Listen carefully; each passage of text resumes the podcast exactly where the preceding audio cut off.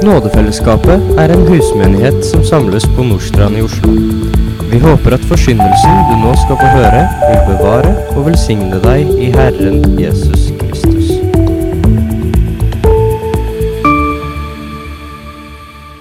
Kjære Herre, vi takker deg for eh, ordet ditt. Vi takker deg for at alt er nyttig til opplæring og tukt og irettesettelse for de som ønsker å frykte og elske deg, Herre. Vi ber om at også denne teksten, selv om den er godt kjent for oss, at den kunne få lov til å gå inn i hodet, ned i hjertet, her. At det kunne få lov til å bli til nytte, slik som ditt ord alltid er i vårt liv. Det takker vi deg for at vi kan stole på Jesu navn. Amen. Så hør da dere lignelsen om såmannen. Vær den som hører ordet om riket og ikke forstår det.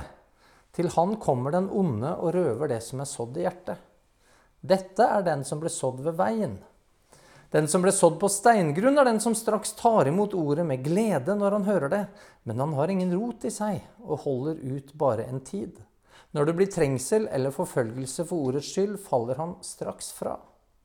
Den som ble sådd blant torner, er den som hører ordet, men tidens bekymring og rikdommens bedrag kveler ordet så det blir uten frukt. Men den som ble sådd i den gode jord, det er den som hører ordet og forstår det.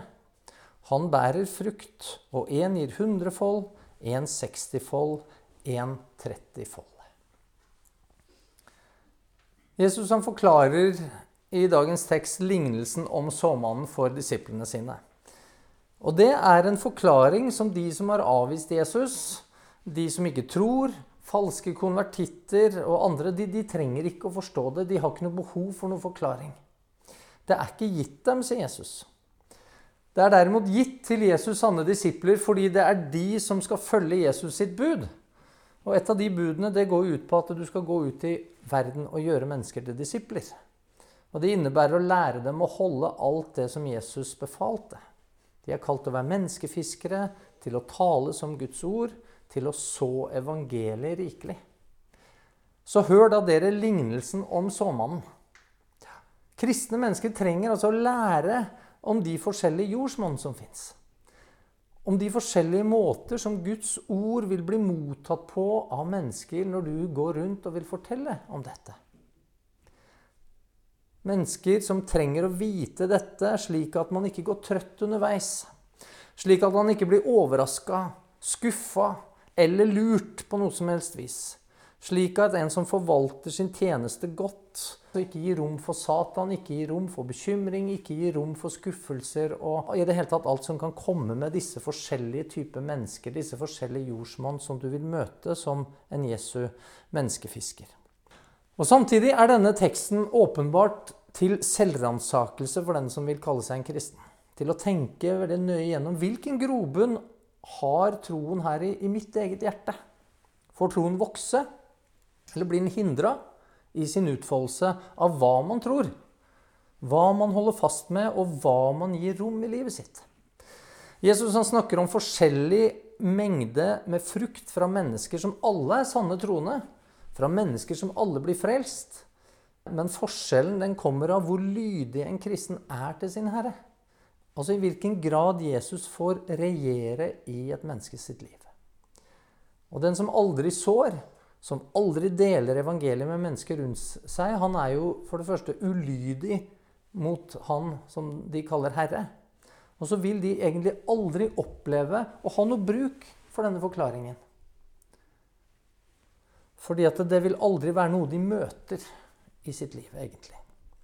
Men jo mer rikelig du sår, jo mer du deler av evangeliet, jo mer vil du oppdage at du har bruk for denne teksten.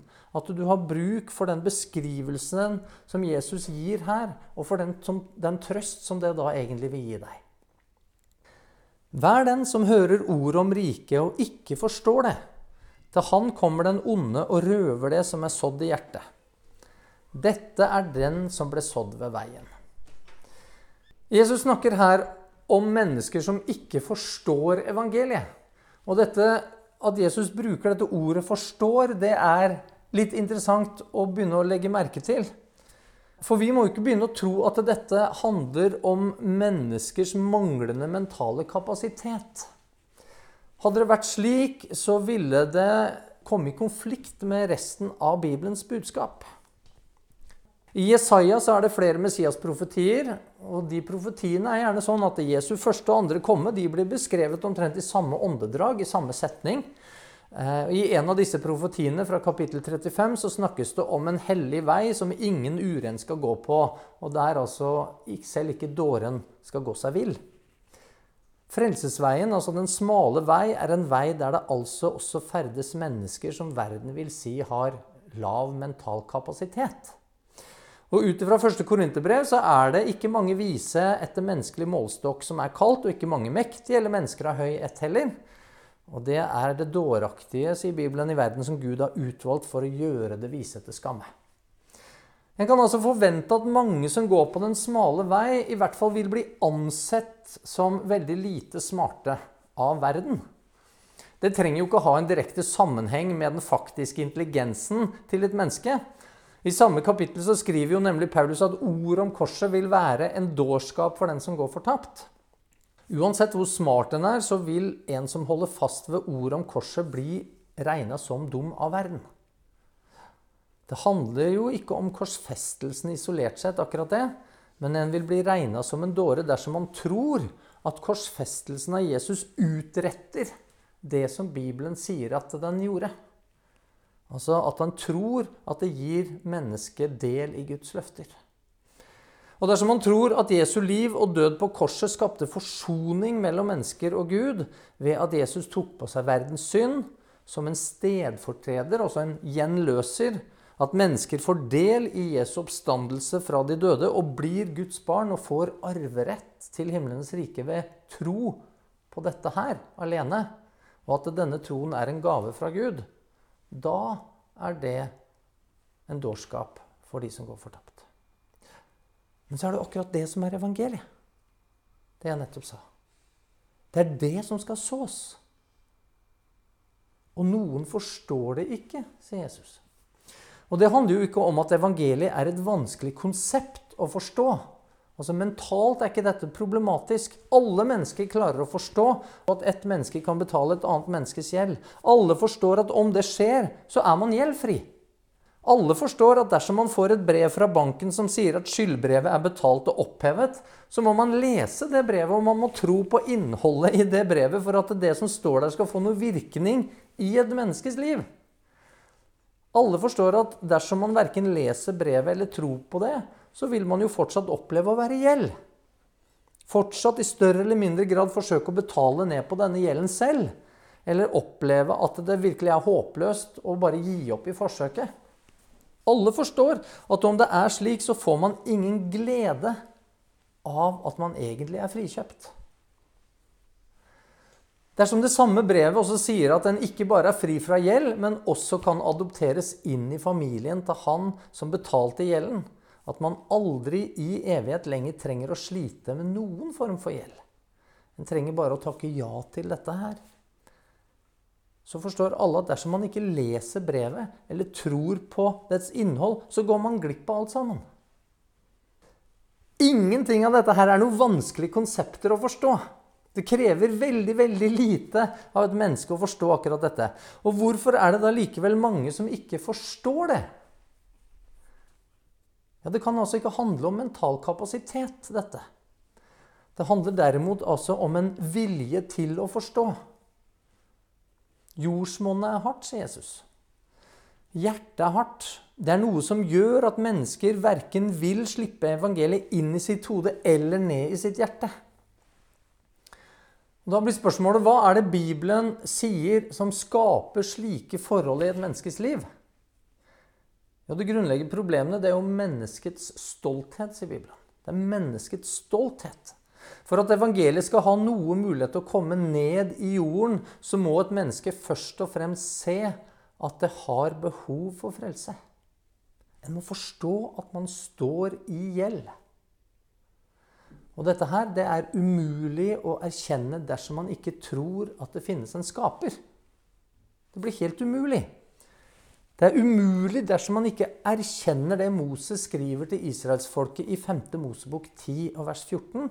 Der står det Se, himlenes himler, jorden og alt det som er på den, hører Herren din Gud til. Og dette her, det er faktisk en sannhet jeg tror at mange også som kaller seg kristne, egentlig ikke tror skikkelig på, eller egentlig forstår betydningen av. Dette her er nemlig grunnlaget for at et menneske står i gjeld. Gud eier alt, står det. Gud eier alt.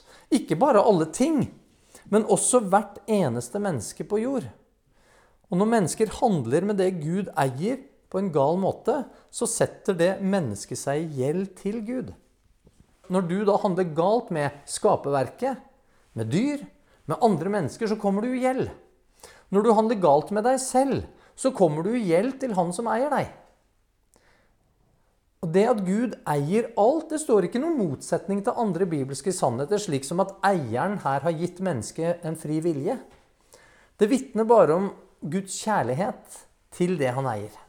Og så står det heller ikke i motsetning til det faktum at et menneske ved sin frie vilje kan velge å tjene en annen herre enn den han egentlig ut fra eierskapet burde tjene. En kristen blir i Bibelen kalt en slave. En slave av Kristus. Det greske ordet 'dolos' jeg tror det er brukt 150 ganger i Bibelen. Og Ofte så står jo det oversatt med ordet 'tjener'. Og det er jo fordi at eh, spesielt etter hvert som man begynte å oversette Bibelen til de forskjellige språkene, så hadde hele den tanken om slaveri og sånn en så ekstremt negativ konnotasjon, eller man, man forbandt det med noe så negativt, at man valgte likevel å oversette det med noe som ikke opplevdes så negativt. Og jeg tror likevel det er veldig uheldig at man oversetter det sånn. For når vi med en gang tenker på en tjener, så tenker vi på en som er ansatt. En som fortjener noe lønn, og som kan velge om han vil tjene eller ikke. Han står altså fritt. Og da tror jeg at du rett og slett mister av syne den store sammenhengen som dette egentlig står i. For alle mennesker står under Guds eierskap. Det er Bibelens budskap. En kristen er kjøpt fri fra syndens og dødens makt. Fri fra sin gjeld til Han som eier oss, til Gud. Og Slik sett så er en kristen under enda et eierskap, om du vil. For han er blitt slave av Kristus, som kjøpte han fri. En kristen er altså kjøpt med en pris. Gjelden et menneske står i til Gud, er så stor at det, altså, ingen kan betale den selv. Den som er kjøpt fri fra denne gjelden av Kristus, må forstå at det å tjene Jesus sin eier dermed aldri kan være en betaling for den syndegjeld som allerede er betalt. Men Bibelen er klar på at arbeidet en gjør for Kristus, vil bli lønnet dersom det står sin prøve. Og det forventes at den som har forstått Guds eierskap og suverenitet over alle ting, at den gjør det som kreves og forventes av ham. Få steder så blir dette her mer tydelig enn i Lukas kapittel 17, vers 7-10, for der sier Jesus om en av dere har en tjener, eller slave, da, som er ute og pløyer eller gjeter, vil han så si til ham når han kommer inn fra marken, kom straks hit og sett deg til bords. Vil han ikke heller si til ham, gjør i stand kveldsmat for meg, bind opp om deg og vær min oppvarter mens jeg eter og drikker, og så kan du selv ete og drikke. Takker han så tjeneren fordi han gjorde det som var han pålagt? Det tror jeg ikke. Slik skal også dere, når dere har gjort alt det som er pålagt dere, si vi er unyttige tjenere. Vi har bare gjort det vi var skyldige å gjøre. Om du nå føler at dette her er litt ukomfortabelt å høre, at dette her byr deg litt imot, så vil jeg bare si velkommen i klubben. For din og min iboende stolthet, vi vil aldri like dette. Vi vil aldri like dette. For vi vil helst være vår egen herre. Vi vil ikke erkjenne at det er Gud som eier oss, og at det er Gud som dermed har rett til å bestemme hva som kreves av oss. Bestemme hvilken lov som gjelder for hans eiendom bestemme over liv og død, hvem som får leve, hvor lenge de får leve, og hvem som kan utryddes og dø. For mange mennesker så er jo ikke dette her bare ubehagelig. De hater denne realiteten. Fordi den rammer altså deres stolthet mer enn noe annet kan ramme den. Det fins ingen annen sannhet som kan ramme menneskets stolthet mer enn at du er eid av Gud. Og en som er stolt, vil alltid, og jeg gjentar alltid, forsøke å gjøre noe mot den eller mot det som anses å sette begrensninger for den stolte sin livsutfoldelse. For den stolte sin frihet, om du vil. Hva er det slike da vil gjøre? Jo, man lager seg først et fiendebilde av sin motstander. Av det en opplever står imot det en selv vil. Og deretter så vil alle, altså mennesker og tankebygninger og sannheter som faller inn under denne motstandskategorien, de vil bli kalt onde. Du skaper deg et fiendebilde, og fienden gjør du ond. Ikke bare at du er uenig, men de er altså onde. Alle stolte mennesker vil gjøre det. I alle sammenhenger. Og Dette her, det preger menneskets historie, og der kristendom forsvinner, der vil dette fenomenet bare bli sterkere. Så Når du ser at dette her nå begynner å skje, når det kommer til forskjellige uenigheter, både politisk og religiøst og hva det nå enn er, så er det fordi at kristendommen holder på å miste taket i vårt samfunn. Mennesker kan nå f.eks. kalle politiske motstandere rasister og fascister uten at de engang vet hva de uttrykkene betyr. Og så gjør en andre onde. Og hvorfor gjør man det? Jo, man gjør det for å rettferdiggjøre sine egne holdninger og sine egne handlinger. Så alt dette det handler altså grunnleggende sett om å kunne rettferdiggjøre seg selv. Og det var akkurat det fariseerne gjorde. Det er akkurat det vi har lest om nå i de foregående helgene. De gjorde Jesus til en fiende. De kalte han jo ikke da rasist eller fascist, men Satans tjener. De måtte gjøre han ond. De måtte gjøre han ond. Fordi at det, det Jesus kom med, det angrep deres stolthet. Og det var jo dette som gjorde at Jesus tok et så veldig kraftfullt og voldsomt oppgjør med dem. For de trengte ikke frelse. Jordsmonnet, det var hardt, og evangeliet kunne ikke trenge ned pga. deres stolthet. Så vi ser altså at stoltheten den kommer ikke bare til uttrykk gjennom å benekte en skaper, men den kan i like stor grad komme og være til stede i mennesker som tror på en gud, som tror på en skaper. Og Enten en er ateist eller religiøs, så er fellesnevneren likevel selvrettferdighet. Hos ateisten fordi han benekter at det finnes noen høyere lov, og dermed kan gjøre som han vil. Og hos den religiøse fordi at han ønsker å gjøre seg selv fortjent. Eller fordi at han altså gjør så mye gode ting at han ikke trenger frelse. Han er stolt, han setter sin stolthet i sine egne gjerninger. Og da er det ingen av disse gruppene som trenger frelse. Felles for alle stolte er at de vil skape altså et fiendebilde av den sanne Gud. Og det er fordi det er kun den sanne Gud som eier de, og som har rett til å bestemme over livet deres. Og det er jo dette de hater, og derfor så vil de forsøke å gjøre Gud ond for å rettferdiggjøre sine egne ord, tanker, handlinger og valg. Og det er jo derfor at det er Jesu navn som blir gjort til et banneord. Det er aldri Buddha, det er aldri Krishna, aldri Muhammed. Og grunnen er at eh, Gud eier de. Derfor så må man forsøke å gjøre han ond. Og så er Problemet med dette er at her er det en logisk sammenheng som blir veldig veldig tydelig. Fordi ingen ønsker å ta imot noen ting fra en som de mener er ond. Bare tenk deg sjøl. Vil du ta imot godhet eller nåde eller noe sånt fra en du hater eller en du syns er ond? Problemet er at det hjelper ikke at det som blir tilbudt, er den ypperste form for godhet. Altså utsletting av all gjeld. Den ypperste form for kjærlighet, nemlig at man er villig til å dø for sine venner ja, mens man fortsatt var fiender. Den mest fantastiske gave, den, den hjelper ikke når man i sitt eget hjerte har gjort den giveren ond. Og Det forstår vi rent intuitivt. Men Bibelen den forsterker dette i Romerne 2 når den sier at Guds godhet driver deg til omvendelse. Hvordan skal et menneske kunne ta imot evangeliet og omvende seg dersom det har satt seg i en situasjon der Gud ses på som ond? Det gjør det umulig for det mennesket å omvende seg.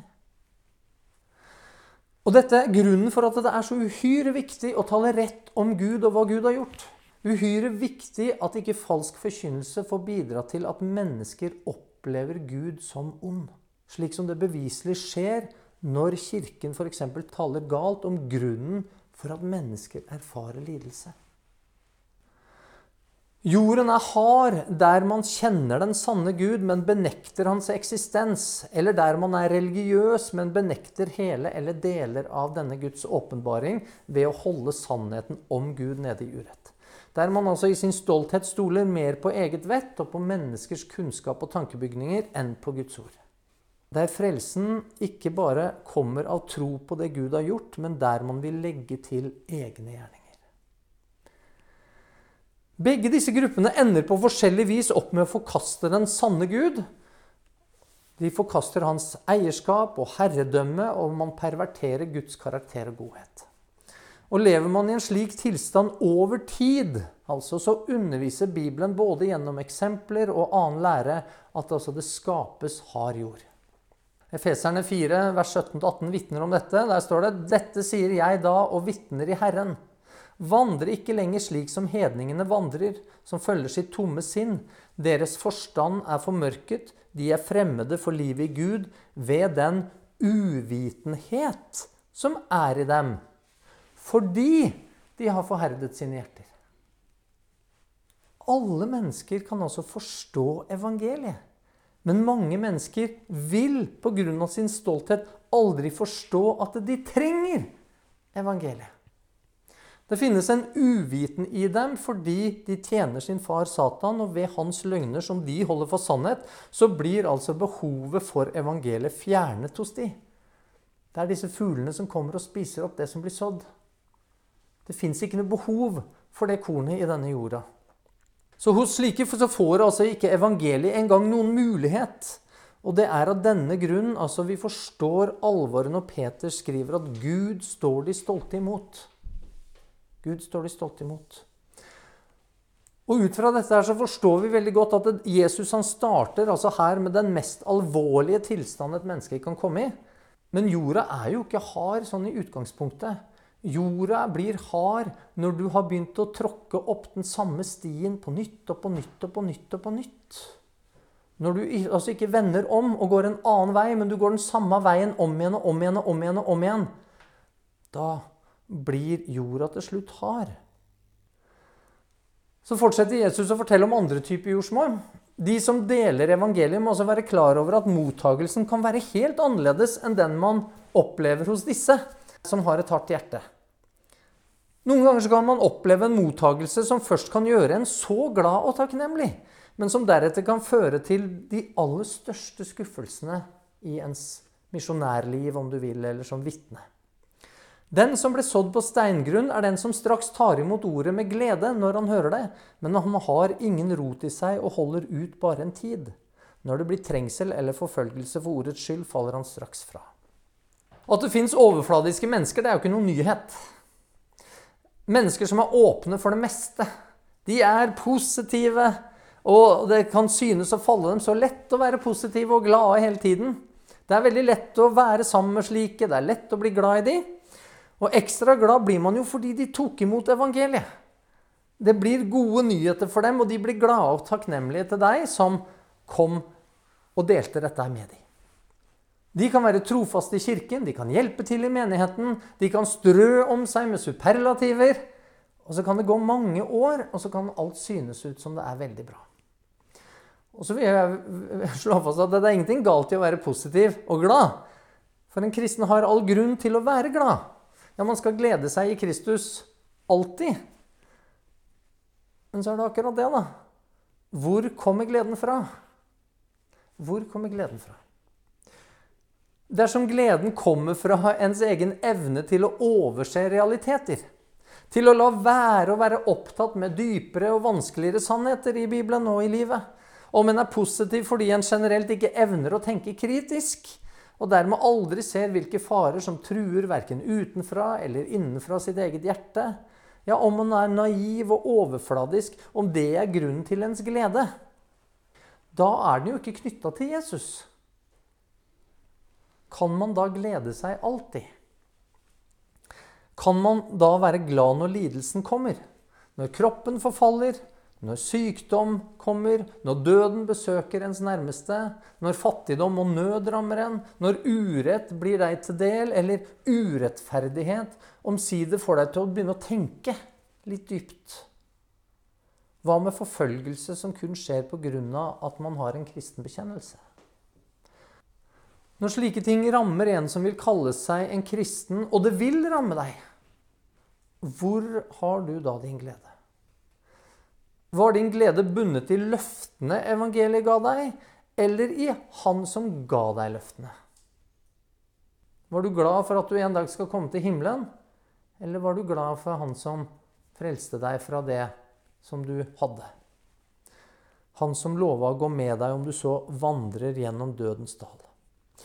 Mange mennesker er blitt kristne gjennom å ha blitt fortalt at de blir det bare ved å be denne bønnen. Be akkurat sånn her, så er du en kristen. Eller ja, hvis du bare døper deg, så er du en kristen.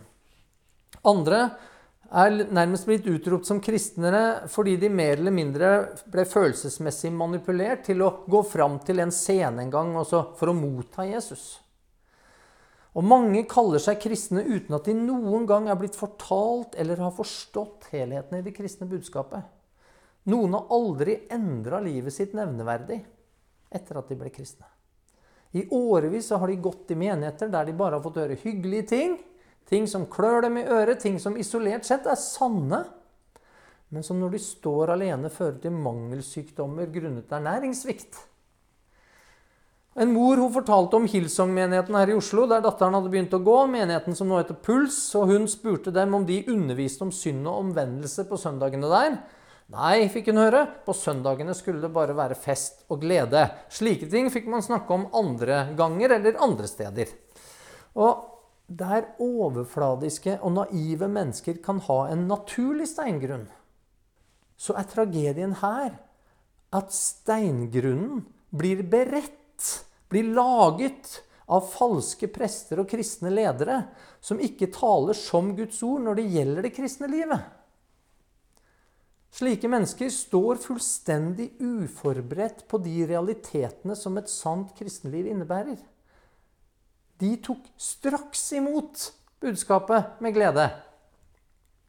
Og mye av grunnen til det er at de aldri ble fortalt de sannheter som gjorde dem i stand til å beregne kostnadene ved troen. Jesus han er opptatt av det, nemlig i Lukas 14, 28-29. Hvem av dere som vil bygge et tårn, setter seg ikke først ned og regner etter hva det vil koste, om han har nok til å fullføre det med? Ellers kan det hende at han får bygd grunnmuren, men ikke er i stand til å fullføre. Det betyr altså at en pastor han må grave dypt fra Guds ord. Han må felle noen trær, han må dra opp noen røtter, han må plukke stein, han må pløye, han må harve. Og så må han undervise slik at det er mulig for dype røtter å skapes. Han kan ikke lage de røttene. Men en kristen må trekke opp vann fra Guds rike brønn, ta til seg ordet slik at røttene kan få vokse. Og bare på den måten så kan du stå fast når stormen kommer. Og er det én ting jeg også kan love deg, så er det at stormen kommer. Jeg husker veldig godt det har blitt stående igjen hos meg veldig, veldig sterkt. For, for noen år siden så satt jeg i en menighet for å høre på en mann som på tragisk vis mista dattera si. Det var en ulykke som syntes helt unødvendig og brutal. Og dette skapte enormt stor smerte og lidelse hos de som var etterlatt. Og Mens jeg satt og lytta til han, så ble det veldig klart for meg at her er det noe som er alvorlig galt. Og Det første som var galt, det handla om en ledelse som aldri burde ha spurt han om å tale om dette ut fra det som kom fram. For han var ikke klar for det emosjonelt sett i det hele tatt. Og så hadde han heller ikke noe å dele som kunne bli til oppbyggelse for menigheten. Snarere tvert imot. Og det andre som var galt, det var at det ble veldig veldig tydelig der og da at denne mannen ikke hadde dype røtter. For måten han snakka om denne tragedien på, og måten han snakka om Gud på, gjorde at jeg gikk fra det møtet og tenkte denne mannen kan ikke være en kristen. Den trengsel som han opplevde, gjorde at ikke veldig lenge etter denne talen ble holdt, så fikk jeg høre at han ikke lenger ville kalle seg en kristen. Jeg fikk høre at ekteskapet hans hadde røket. Hvordan dette forholder seg i dag, det kan jeg ikke si noen ting om. Og så kan jeg absolutt håpe at han har funnet en, en sann tro. Men dette gjaldt altså en mann som hele livet hadde kalt seg en kristen, og som hadde jobba og arbeida i kristne sammenhenger. Han holdt ut en tid, men hadde ikke rot i seg. Og slike historier er ekstra triste. Og de kan også så lett få oss til å miste motet. Og Det er derfor Jesus snakker om dette på forhånd. Det er gitt oss å vite dette nettopp for at vi ikke skal bli overraska når dette her skjer. At ikke vi skal bli så skuffa når vi erfarer slike ting. De som du har gått i kirke med, i menighet med, år etter år etter år, og så plutselig så, så er den vekk. Denne type jord den vitner jo om hvor viktig det er at den forkynner hele Guds råd. At man går i en menighet som ønsker å forkynne hele Guds sannhet. Det vil garantert være andre menigheter som midlertidig kan klare å skape altså mye større følelsesmessig engasjement eller kanskje følelsesmessig positive reaksjoner hos deg, som klarer å være kulere, som klarer å framvise større oppmøte og mer show. Så viser det seg dessverre, ikke alltid selvsagt, men det viser seg ofte at disse klarer ikke å forberede et menneske på livets realiteter og på evighetens to utganger. Derfor så må en gå i en menighet der gleden blir retta kun mot Jesus.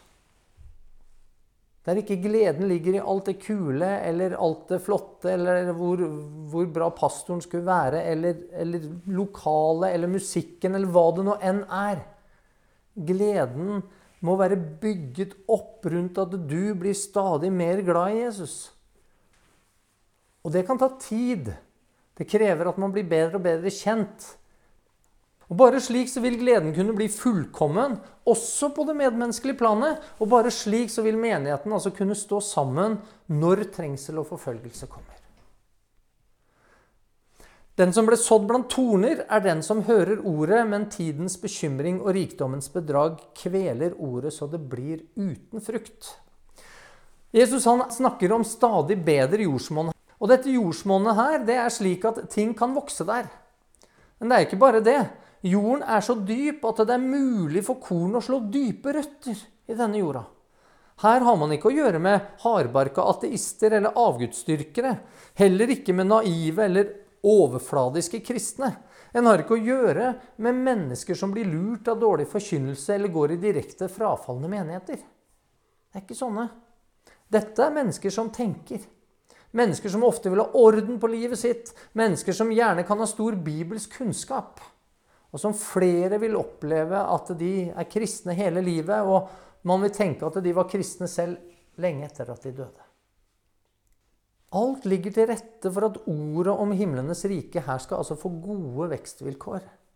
At det skal bli god frukt. Og likevel skjer det ikke.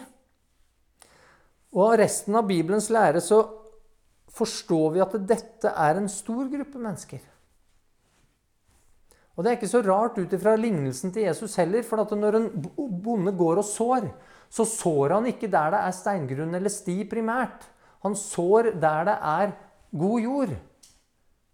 Så vi forventer at det aller, aller meste av kornet havner på en måte der det er god jord. Dette er en stor gruppe mennesker. Det er de menneskene som vi leste om i, når vi gikk gjennom Matteus kapittel 7, der Jesus snakker om mange som kaller han herre, herre men som gjorde urett. Og av alle de jordsmonn som vi snakker om i dag, så er dette den jeg selv er mest redd for å tilhøre. Den typen jeg tror de som vil høre meg tale over dette, bør være mest oppmerksom på. I møte med dette jordsmonnet så trenger nordmenn å ransake sitt eget liv og sin egen tro. For dette jordsmonnet er preget av det Bibelen kaller kjærlighet til verden. Kjærlighet til verden. Bekymrer du deg? Og hva er det du bekymrer deg for, i så fall? Dersom du bekymrer deg, så bør det altså utløse en varsellampe i livet ditt. Bekymring det er en form for synd som det ikke snakkes mye om. Vi vil veldig lett si at det er naturlig å kjenne på bekymring og forsøke å da ikke gi mennesker dårlig samvittighet som kanskje allerede opplever at livet er vanskelig. For det er jo gjerne da man bekymrer seg, hvis man opplever livet vanskelig. Og så vil man også ikke legge sten til byrden ved å tale om bekymring som synd. Og Det kan være en tid og sted for akkurat det, men det fjerner likevel ikke den sannhet at Jesus sier 'vær ikke bekymret for livet'. Ja, Paulus han er jo like tydelig og sier 'vær ikke bekymret for noe'. Bekymring er en synd fordi den ikke stoler på Jesu løfter om at han vil ta vare på hva da? Hva er det vi har sett på? Jo, sin eiendom. På at Gud altså ikke vil ta vare på dem han har adoptert inn i sin familie. Og, og det er en ganske alvorlig synd, for Jesus sier jo at selv liksom hedningene de klarer å være gode mot sine egne folk. Mot sin egen familie. Og hvis man altså bekymrer seg, så går man egentlig og tror at den Gud som man tror på, ikke har omsorg for sin egen familie. Han er med andre ord verre enn en hedning. Bekymringen er derfor vantro. Det er noe som gjør at mennesker lett tyr til andre synder for å forsøke å løse det de bekymrer seg for. For er man bekymra for økonomien, så kan det hende du tar noen snarveier. Kanskje snyter du litt på skatten. Kanskje skriver du noen timer ekstra, eller i andre måter prøver å løse bekymringen rundt økonomi. Bekymring er en grunnsynd, om du vil, som fører til at du gjerne synder på andre områder i tillegg. Bekymring er derfor gift i blodet til en kristen. En gift som ikke umiddelbart dreper planten, men som altså hindrer den i å bære frukt. Og bekymring den står proporsjonalt til Jesu herredømme i en kristen sitt liv på flere måter. Det ville vært altfor lettvint å si at der Jesus får stor plass, blir det liten grunn til bekymring. Det vil faktisk være slik at der Jesus får stor plass, så vil det kunne bli grunner til bekymring som man ikke engang hadde før. I tillegg til alle de andre tingene man kan være bekymra for. Nye grunner til bekymring for noen kanskje færre grunner, mens for andre flere grunner enn før. Men grunner for bekymring behøver jo ikke bety at et menneske trenger å bekymre seg. Det er to helt forskjellige ting.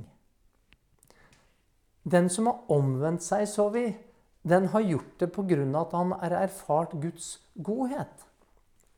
Av samme grunn er det at mennesker som kan ha store grunner til bekymring, likevel ikke bekymrer seg. For de har erfart Guds godhet og omsorg. Og Når livet er blitt slik, så faller det ikke grus om tidene forandrer seg. Tidens bekymring snakker Jesus om. At rentene stiger, at økonomien faller, at en mister jobben sin, at trengsel og lidelse kommer. Pandemier, vaksiner, nedstenginger eller krig og rykter om krig. Tidene forandrer seg. Det kan skape bekymring. Men tidenes forandring den skaper ikke lenger stor grunn til bekymring fordi den virkelig grunnleggende sannheten vil alltid bestå. En er frelst. En er fri.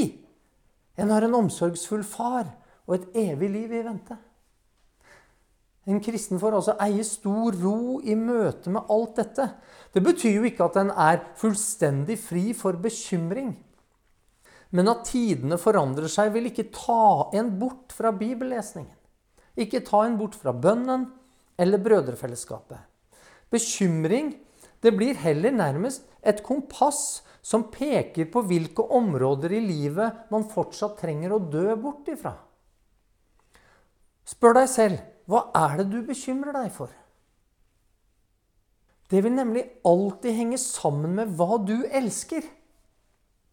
Det vil alltid henge sammen med hva du elsker. Jo mer du bekymrer deg for noe, jo mer verdifullt er det for deg.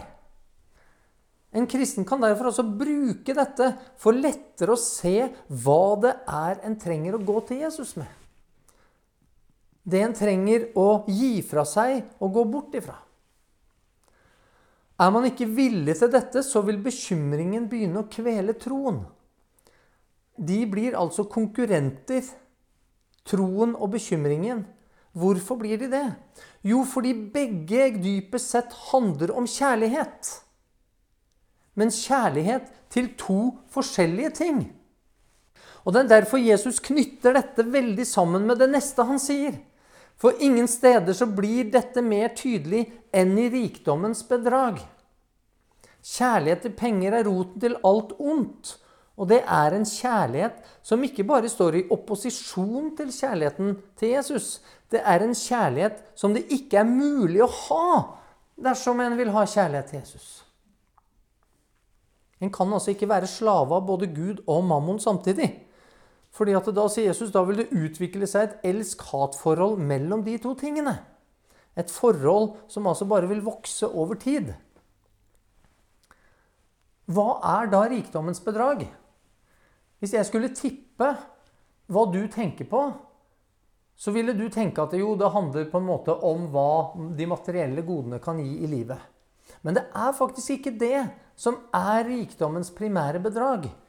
Rikdommens bedrag den handler først og fremst om at en kristen forsøker å lure seg selv til å tro at han kan tjene begge herrer samtidig. Det er rikdommens bedrag. Og gjennom dette bedraget så vil man ende opp med å stole på materialismen. En vil stole på sin velstand, sin posisjon og makt og sin vellykkethet og formue. Derfor så blir altså dette for slike mennesker egentlig Gud for dem. Og så forsøker de likevel altså ha et lite kjærlighetsforhold til Jesus sånn på si. En sånn evighetsforsikring, liksom. Det er noe godt å ha der i bakhånd. Men et slikt liv vil hele tiden komme foran Jesu ord og bud. For de vil forskjellige ting. De vil ha deg i forskjellig retning.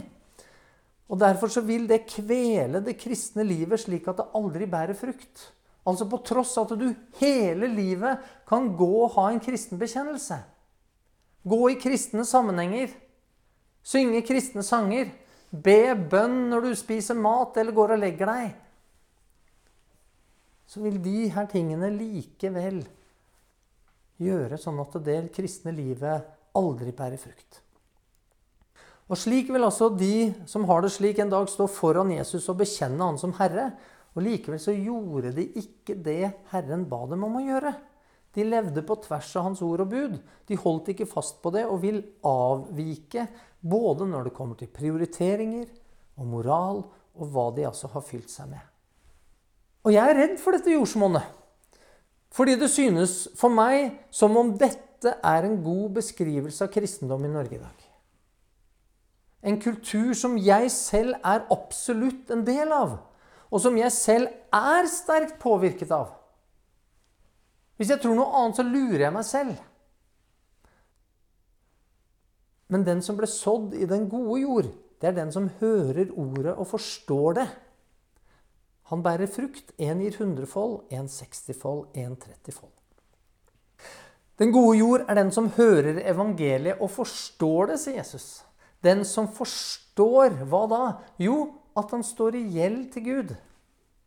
Som forstår at Jesus har betalt gjelden, og som derfor elsker Jesus mer enn noe annet. Som forstår at han trenger frelse.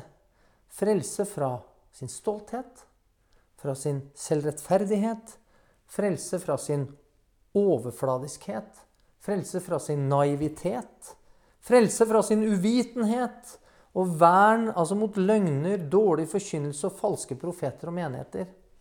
Frelse fra bekymringer og frelse fra rikdommens bedrag. En som forstår at dette altså angår meg. At det er en del av hvem jeg er, alle disse tingene. Som forstår at det er en fare for en selv. Fordi at han er ikke noe bedre enn alle andre mennesker. Jord er jord! Det finnes ikke én type jord som er så veldig mye annerledes enn en annen type jord som gjør at det Det er ikke det det handler om. Jorda er den samme. Nei, det er mennesker som forstår at evangeliet er det eneste som kan sette en fri fra alle disse tingene.